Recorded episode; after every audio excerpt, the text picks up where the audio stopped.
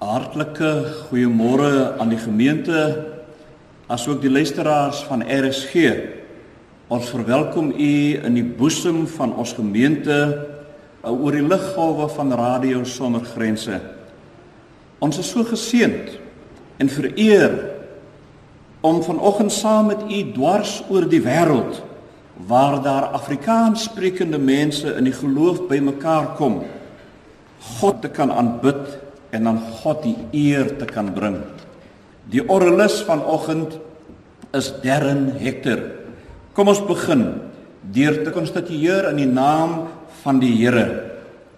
Dit gaan goed met die mens vir wie u uitkies en laat naderkom om in u tempel te bly.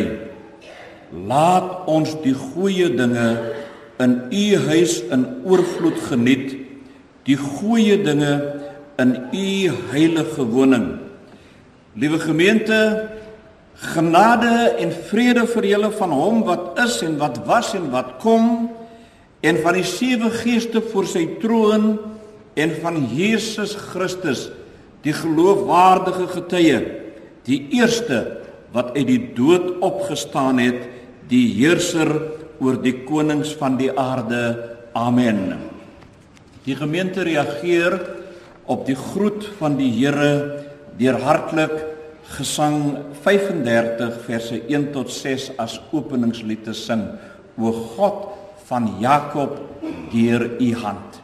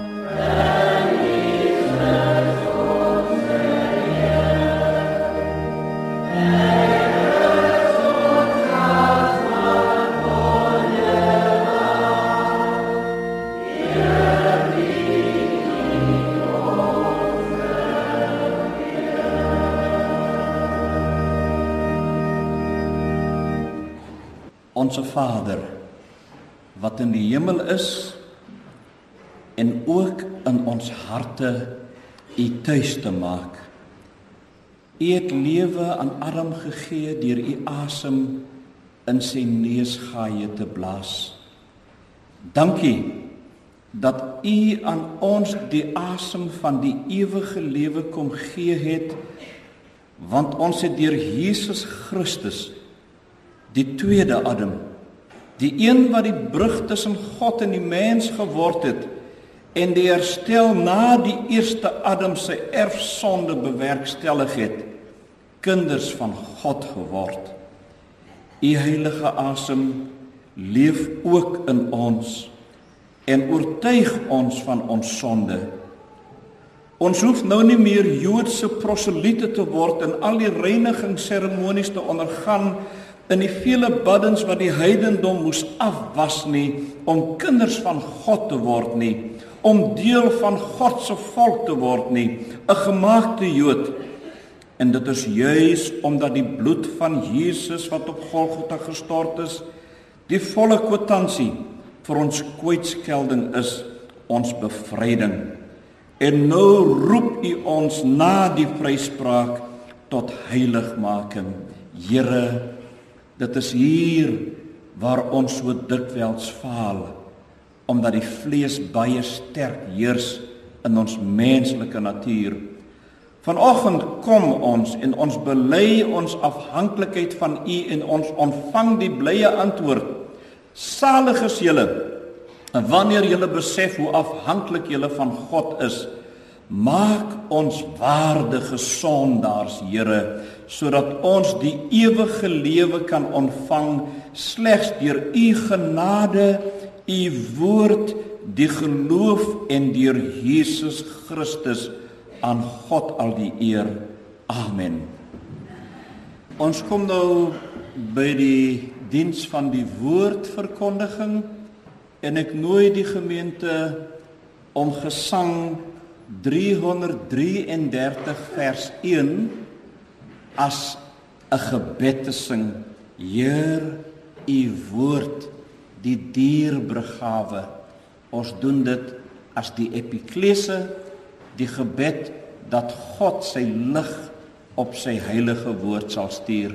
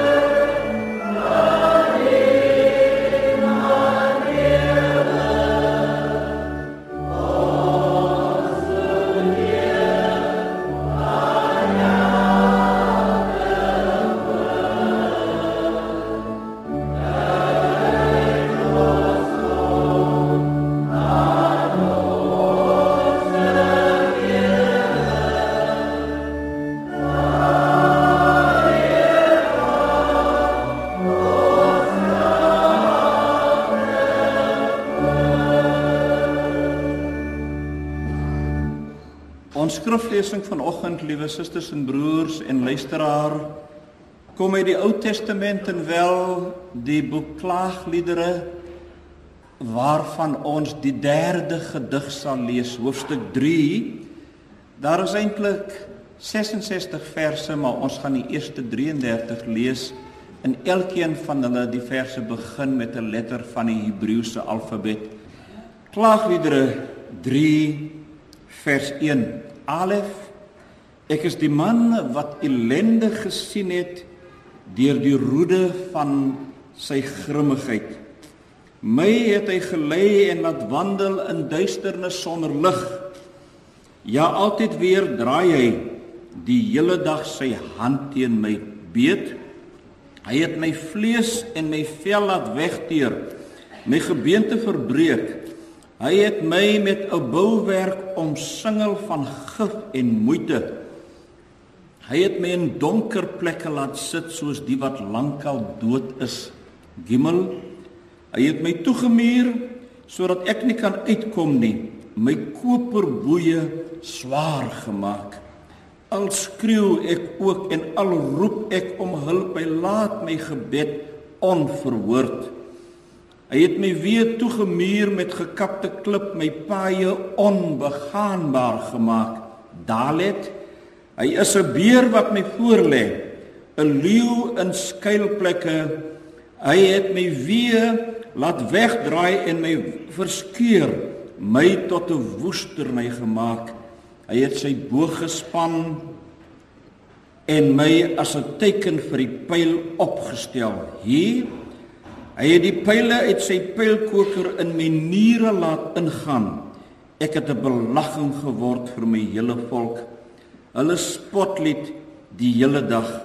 Hy het my met bitterkrye versadig, my genoeg wilde als laat drink, waf en hy het my die tande op grys klippertjies laat stukkend byt, my in die as neergedruk.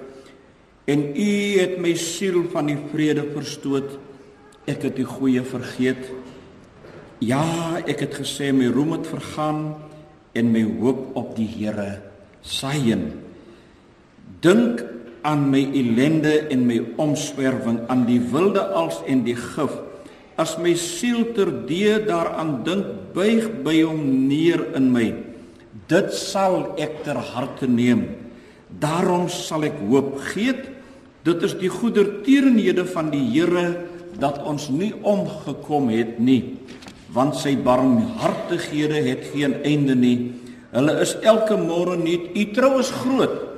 Die Here is my deel sê my siel. Daarom sal ek op hom hoop. Teet goed is die Here vir die wat op hom hoop vir die siel wat hom soek. Dit is goed om in stilheid te hoop op die hulp van die Here. Dit is goed vir 'n man dat hy die juk in sy jeug dra. Jood, laat hom eensaam sit en swyg as hy hom dit opgelê het. Laat hy sy mond in die stof steek. Miskien is daar hoop. Laat hy die wang gee vir die wat hom slaan. Laat hy genoeg kry van smaad. Kaf, want die Here sal nie vir ewig verstoot nie. Maar as hy bedroef het, ontferm hy hom na die grootheid van sy goedertierenhede want nie van harte verdruk of bedroef hy die mense kinders nie. Die skriflesing vanoggend het gekom uit die 1933 1953 vertaling van die Afrikaanse Bybel. Salig is elkeen wat die woord hoor en dit lewe. Ek wil graag vanoggend met u praat oor die lewe wat ek en u elke dag lewe. Daar is 'n vaste natuurlike patroon waarvolgens elke dag plaasvind. Dit reën en die son skyn en vanoggend waai die suidoosterwind baie sterk. Dit word nag en dit word dag. Dit word donker en dit word helder elke nuwe dag 'n gawe uit God se hand. Sommige van ons ervaar in die land in sekere dele oorvloedige reëns. Ons lewens is geseën soos Moses dit verhaal in Deuteronomium 32 verse 1 tot 4 die geestelike reën van God se genade hou ons in stand. Dan is daar die voorsiening van God ten opsigte van sy algemene openbaring soos ons dit ervaar en waardeer in die natuur. Reën laat dit lewe in die veld. Die diere is plesierig en ons gewaar met ons eie oë hoe pragtig staan die lande gedek met sonneblomme en met ander graangewasse. En wanneer die nag kom gaan slaap ons met dankbaarheid vir God se voorsienigheid van oorvloedige genade. Reën is lewe. Natuurlik is daar ook dele van ons land waar daar saam met die gawes van wateroorvloed ook verspoelings en erge gronderosie plaasvind. Lewensverliese, veeverliese, as ook boerdery implemente en huise wat in die slag bly. Mense verloor in hierdie stortreëns en vloede waardevolle besittings wanneer die vloedwater soos 'n vyand op hulle afstorm.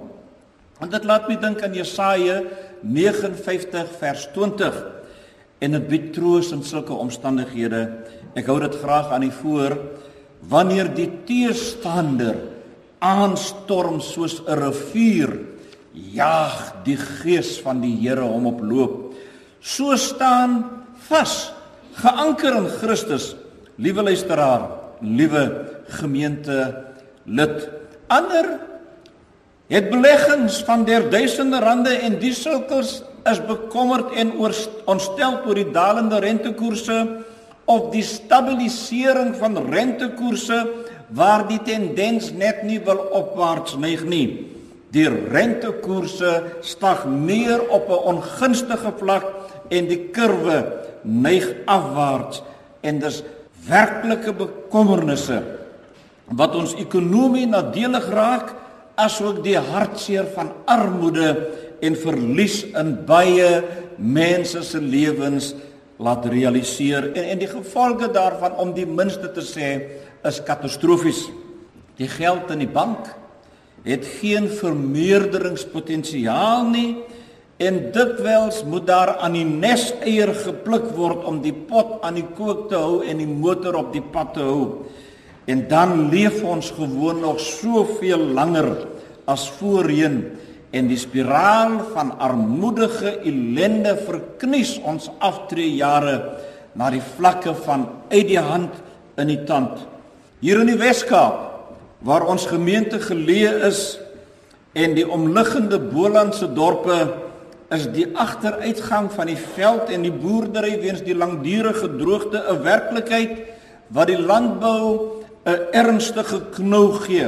Vrugte en groente moet noodwendig uit Mpumalanga en uit die Limpopo provinsie na die Wes-Kaap toe ingevoer word want die Wes-Kaap provinsie ervaar een van die ergste droogtes oor baie jare en mense betaal verskriklik duur vir kos en vars produkte en salarisse bly maar net nie genoeg om al die uitgawes te dek nie. Oor die algemeen blyk dit dat mense net nie meer genoeg geld verdien om aan al hulle daaglikse behoeftes te voorsien nie. Skoolgelde en universiteitsfooie het rekordhoogtes ingeskiet en sakemanne sukkel nie met hulle bates nie, maar met kontantvloei om hul sake van dag tot dag te bedryf. Werkloosheid het die hoogte ingeskiet en ouer mense wat nog ekonomiese waarde kan toevoeg aan 'n besigheid word stelselmatig uit hulle poste uitgemotiveer. Daar is niks wat meer seker is nie. 'n Breinbrood kos by sommige winkels R18. 'n Hoender kos weinig minder as R50. Gaan doen die inkopies met jou vrou meneer en sien dat sy is nie spandabelrig nie. Sy kan eenvoudig net nie meer die rand rek om 'n hoender van R70 te koop nie en 'n sak aartappels kos jou vandag amper R100. Die lewe is duur en vol uitdagings en baie mense kry swaar en die toename van armoede en boedeloorgawes asook skuldberading wys 'n kurwe wat amper 90 grade opwaarts neig. En dit is 'n onbetwisbare feit dat baie mense baie swaar kry en dat sommige self hoop om te sterwe omdat daar meer geen genot vir hulle is in hulle lewens van dag tot dag nie. Die wat vertoon asof hulle dalk geld het, kry ook swaar al verdoesel die uiterlike die leen dat dit op die oog af goed gaan geen veralgemening nie. Ek wil 'n punt oorbring. Sommige is werklik skatryk en hierdie swaar eise van die lewe van die gewone volk is vir hulle 'n rare verskynsel wat in hulle werklike oorvloedige bestaan 'n onwaarskynlikheid is. Elke sakeman werk maar hard om 'n punt of twee voor die oppositie te bly en hoe eerliker jy jou sake bedryf, hoe meer onmoontlik blyk dit te wees om kontrakte te behou en te diens en om nuus by te kry. Hooggeleerde mense met universiteitsgrade pak rakke in supermarkte weens die broodnood en die eis om studielenings terug te betaal. Almal voel op die een of ander manier die eise van die onstabiele ekonomie en die politieke woelinge skep ook maar weinig die indruk dat sake dalk aan die verbeter is. Inteendeel, dit word erger en ons voel dit in ons elke dag se bestaan. Dit raak ons sak asook ons gemoed want ons is veronderstel om Christene te wees wat leef in die hoop van God se voorsiening. Ons moet dan in die hoop wat die sakramente van die heilige nagmaal en die heilige doop ons bied in Jesus Christus geanker wees. Dus soek ons op ons knieë rigting by God en klou ons vas aan die beloftes in sy woord asof dit ons laaste uitweg is en so behoort dit te wees. Verder blyk dit asof chaos in ons woonplekke die oorhand gekry het want jy moet nou aankope doen wat jou grief om jou gesin te beveilig weens persone wat dit wat jy met soveel moeite bymekaar gemaak het net eenvoudig kom vat of jy nou tuis is al dan nie die beste alarmstelsels om gesofistikeerde boewe te vnuik, laserligte en goeie deurversperrings om die booswigte uit te hou totdat die verpligte gewapende responsmense opdag om jou te help te snel. Alles aankope wat jy gegrief doen en dit is die nuwe gesig van Suid-Afrika. As jy dit maak om veilig jou motorreis te bereik, dan kom jy eers môreoggend uit om na jou werk te gaan. Saans bly jy maar op jou knieë en bid Psalm 91 oor jou en jou gesin. Jy moet jou soos die man van klaagliedere 3 in jou huis vaskerker en ook binne in jou huis versperrings aanbring om 'n veiligheid self vir jou en jou gesin tydens slapenstyd te verseker. Ons lewe in onseker tye sê baie van ons en die koerante spreek daaroor want ons lees net slegte nuus.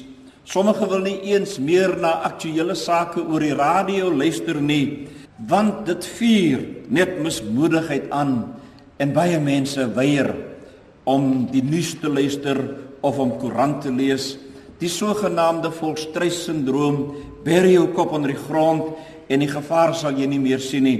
Dit bied die pseudo vrede, met ander woorde 'n valse konsep van vrede. Die minder ek weet, vertel sommige, hoe meer rustig kan ek lewe. Dikwels brand dit net om die draai van waar ek ons woon soos gemeenskappe in protes kom oor swak dienslewering. Ek wil nie daarvan weet nie. Dit ontstel my te veel en die paaie bly vol gate dat jy eintlik 'n 4x4 voertuig nodig het om die rit op die teerpad na jou huis te onderneem. Dit is dus nie ver gesog as ek sou sê dat die lewe vir baie mense baie swaar geword het nie. Dat baie ouer mense van wie sommige se eensame bestaan moet voer in 'n ouete huis eers vele klagtes het dat hulle gedurig besig is om te kla en om hulle lot bymekaar oor en weer te bekla. Daar is 'n geween in Mara wat opgegaan het vir baie van ons.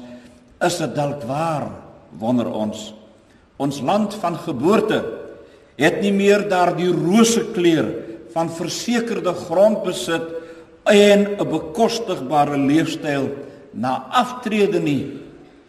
Suid-Afrika, waarom vrees julle so? Waarom is julle so klein gelowig? Waarom projekteer en profeteer julle donkerte en verwoesting oor ons land? Het dit nie tyd geword dat ons ook hulle wat ons grensloos irriteer seën nie? Het Habakuk 3 verse 17 tot 19 dan nie vir ons aangebreek nie. Al sou die vrye boom nie bot nie en daar geen druiwe aan die wingerde wees nie al sou die olyfoes misluk en die lande geen oes lewer nie al sou daar geen kleinvee in die kampe wees nie en die beeskrale sonder beeste wees nog dan sal ek in die Here jubel sal ek juig in God my redder die Here my God gee my krag Hy maak my voete soos die van 'n ribbok op hoë plekke. Laat hy my veilig loop. Meer kniewerk en minder beangstigheid. Sê Matteus 6:33 dan nie soek eers die koninkryk van God en sy geregtigheid en al die dinge sal vir julle bygevoeg word. Die konteks van ons Bybelverhaal vertel vir ons van 'n volk wat soortgelyke ontberings moes verduur het in die ergste graad. Ons kan ons nie eens indink in wat hulle gedink het en ervaar het hoe die inwoners van die land Juda die verwoesting wat hulle elke oggend wanneer die son sy aankoms aankondig moes aanskou nie. Jerusalem is verlate. Die tempel is gestroop van sy pragt en praal. Die goue panele wat die reisigers na Jerusalem verblind het, deur die sterk weerkaatsing van die son daarop, is verwyder en weggevoer Babilonie toe. Lees die hele beklaagliedere klaar, dan sal u ten volle die konteks van die profeetboek Jeremia kan verstaan as ook die inhoud van die boodskap van die Here sal u hart sterker en dieper tref. Ek praat met profetiese onverskrokkenheid God se woord soos God dit aan my bekend gemaak het om dit aan die land en sy burgers ook te dra as ook vir die plaaslike gemeente.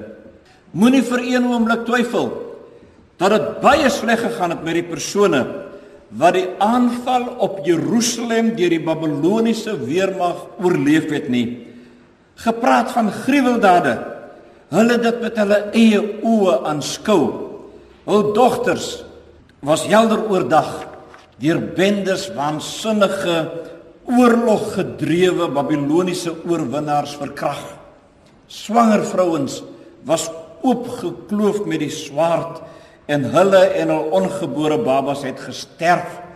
Die strate van Jerusalem was purper gekleur deur die bloed van gewondes en gesneuweldes wat gevloei het soos 'n rivier in vloed ellende pyn verontnigtering verbuistering afskuw het uitdrukking op die gesigte van hulle en die volk wat die skerpte van die swaard van die babiloniese wapensmid geontvlug het wat dit gespaar was 'n paar van hulle dig nou hierdie gebeure nadat die room van die Judeese volk in ballingskap weggevoer is en hulle noem dit klaagliedere.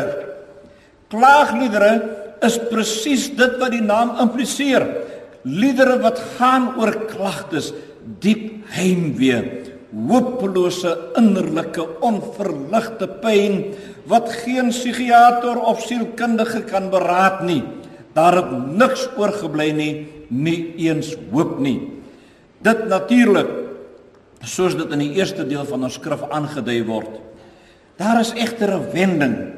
Wag net so 'n bietjie en volg net saam met my hoe sake verder ontwikkel. Bly saam met my. Voel en beleef nou hoe dat God se transformerende krag jou en my benewelde gedagtegange ontknoop en ontlas. Wees sterk. Laat ons nooit hoop prysgee nie. Die Joodse oorlewendes het dit aanskou soos baie in ons tyd dit moet aanskou wanneer hulle kinders met die skerpte van die lem gedood word.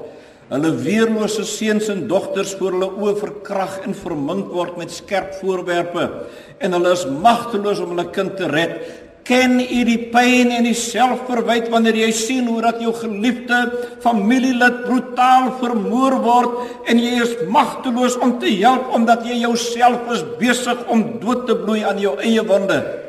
Magtelose woede en die wil om te oorleef en te help is net nie genoeg om die geweldenaars te styd wat jou veilige spasie ontwy, dis ontheilig het nie. God se kinders het dit ervaar en God het dit toegelaat. En hoe maak dit dan nou sin vanoggend? Hoekom laat God dit toe?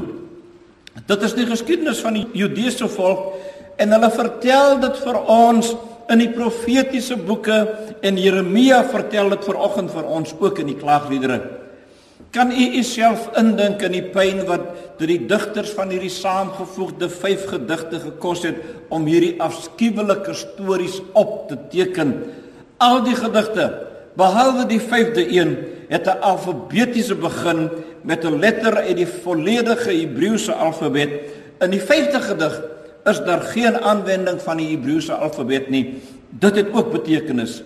Ek wil dit waag om die deurmekaar spul wat hulle aanskou het as rede aan te voer vir die oënskoulike ongewone weglating van die Hebreëse alfabet in die 5de gedig en om te dink dat God hulle gewaarsku het dat dit met hulle gaan gebeur en hulle het hulle nie aan God gestuur nie.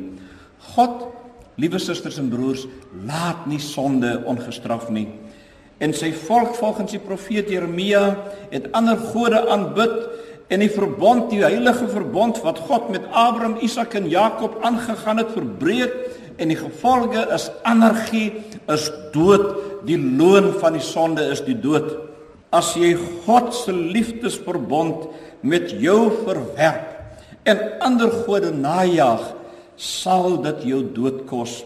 Die God van materialisme, die afgod Mammon en die aanbidding van jou kinders is 'n abominasie in die oë van God.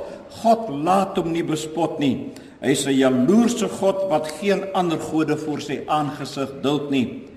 Keer terug, luister 'n slag, keer terug na God toe. Bekeer julle en kyk hoe God die swerm sprinkane van jou sal weghou wat jou lande kaal vreet en jou verarm en wees agterlaat jou kragte verteer en jou vreugde en jou vrede van jou vervreem.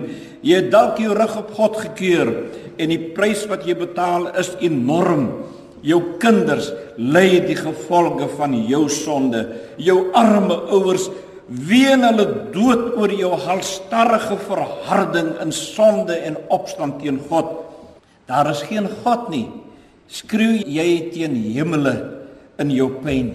Weet jy dan nie Verstaan jy dan nie dat God sê my volk gaan ten gronde weens 'n gebrek aan kennis? Ek het nie geweet nie, Here, gaan niks help nie. Jy kan nie onkunde bepleit ter saak versagting nie. Jou aardse hemel of sal ek sê jou oorvloedige weelderige aardse bestaan of dalk jou hel jou pyn en hartseer hou jou magteloos gevange. Dit gebeur alles omdat jy dit toelaat. Jy is dalk die argitek van jou eie ondergang. God het Jesus ook vir jou gegee en ook vir my om ons te bevry van die pyn wat ons soms verpletter. Hoor jy? God neem dit nie net weg nie, God verpletter dit. Hy maak dit tot nul. Ons dank God vir Golgotha. Daar het oorwinning gekom deur die bloed, God se bloed. God pyn in God op Golgotha vir jou en my. God lê in God. Bloed maak reg wat mense se sondes besoedel en ontheilig het. Lees maar die boek Romeine om die vryspraak, die voldaan te verstaan in die lewe van heiligheid waartoe God ons roep. Hoor, reflekteer en doen iets om jouself God te laat gehoorsaam sodat jy van die verwoester gered kan word en ook van die hel wat elke sondaar wat die krag van die bloed ontken en die rug op Jesus draai se eindbestemming vir ewig en ewig sal wees. Jesus het dit klaar gedoen. Die oorwinning oor Satan behaal. Glo dit, aanvaar dit en lewe.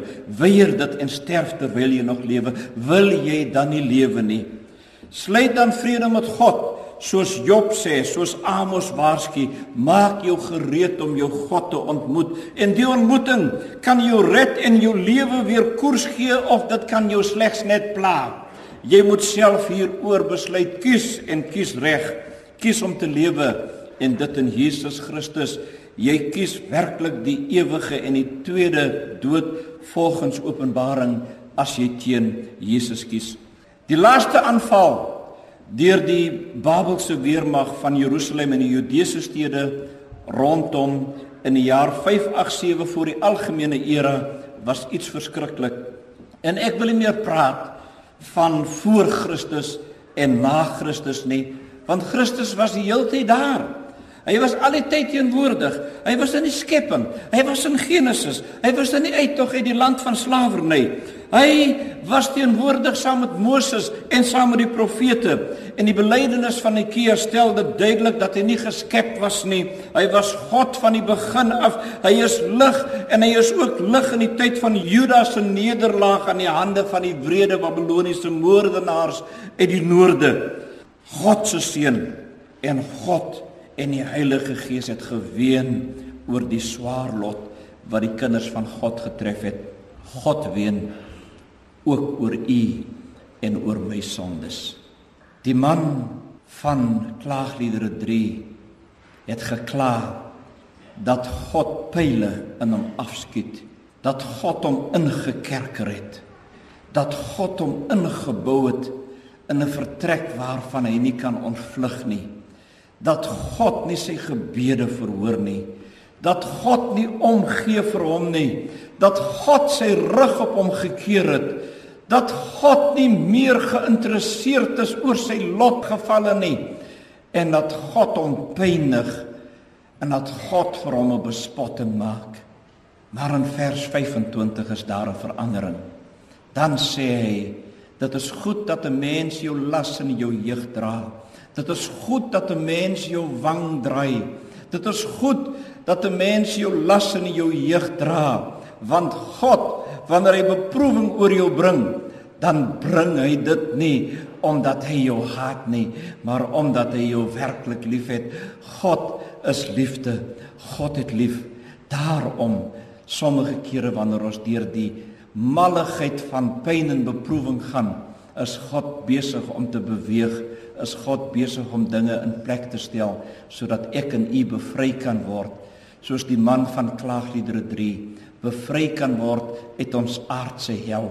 Bevry kan word uit hopelose huweliksverhoudings uit hopelose verhoudings met ons kinders uit hopelose finansiële omstandighede uit hopelose on onbeheerlike pyniging en hartseer verliese wat ons moet verwerk en ook die dood van geliefdes wat ons moet verwerk. God hoor die gebede van elkeen wat vanoggend uitroep, Here help my. Help my o Here, ek is die man wat vasgevang is. Ek is die man van klaagliedere 3. Ek aanskou die gruwels. Ek sien dit in die samelewing waar ek woon. Here, ek kan nie meer nie. En dan sê God in sy woord dit is teen sy sin dat hy mense onder beproewing bring. God wanneer hy ons beproef, dan wend hy weer sy liefde aan. En dit is die geskiedenis van die volk. Deur sy liefde het hulle weer herstel. Na 70 jaar het hulle teruggekom. God is die God van tweede kansse. God is die God van restaurasie. God is die God wat vir ons genade gee. God is die een wat ons in sy hand beskerm. God is die een die wat in Jesus vir ons die ewige lewe gee. Laat ons nie ontmoedig word nie. Laat ons nie angstig rondkyk nie. Laat ons ons oë op God gefestig hou. En daarmee sê ek amen. Here, dankie. Dankie vir u woord. Dankie Here dat u woord lewenskragtig is dat u woord ons gesindheid kan verander, ons ingesteldheid kan verander. Seën ons nou, Here, en maak ons gewillige instrumente in u hand om die evangelie van vrede uit te dra in die wêreld waar u ons geplaas het in die naam van Jesus Christus met baie baie danksegging. Amen en amen. Ontvang nou die seën van die Here, die genade van ons Here Jesus Christus en die liefde van God en die troostvolle gemeenskap met die Heilige Gees wees en bly met u elkeen. Amen.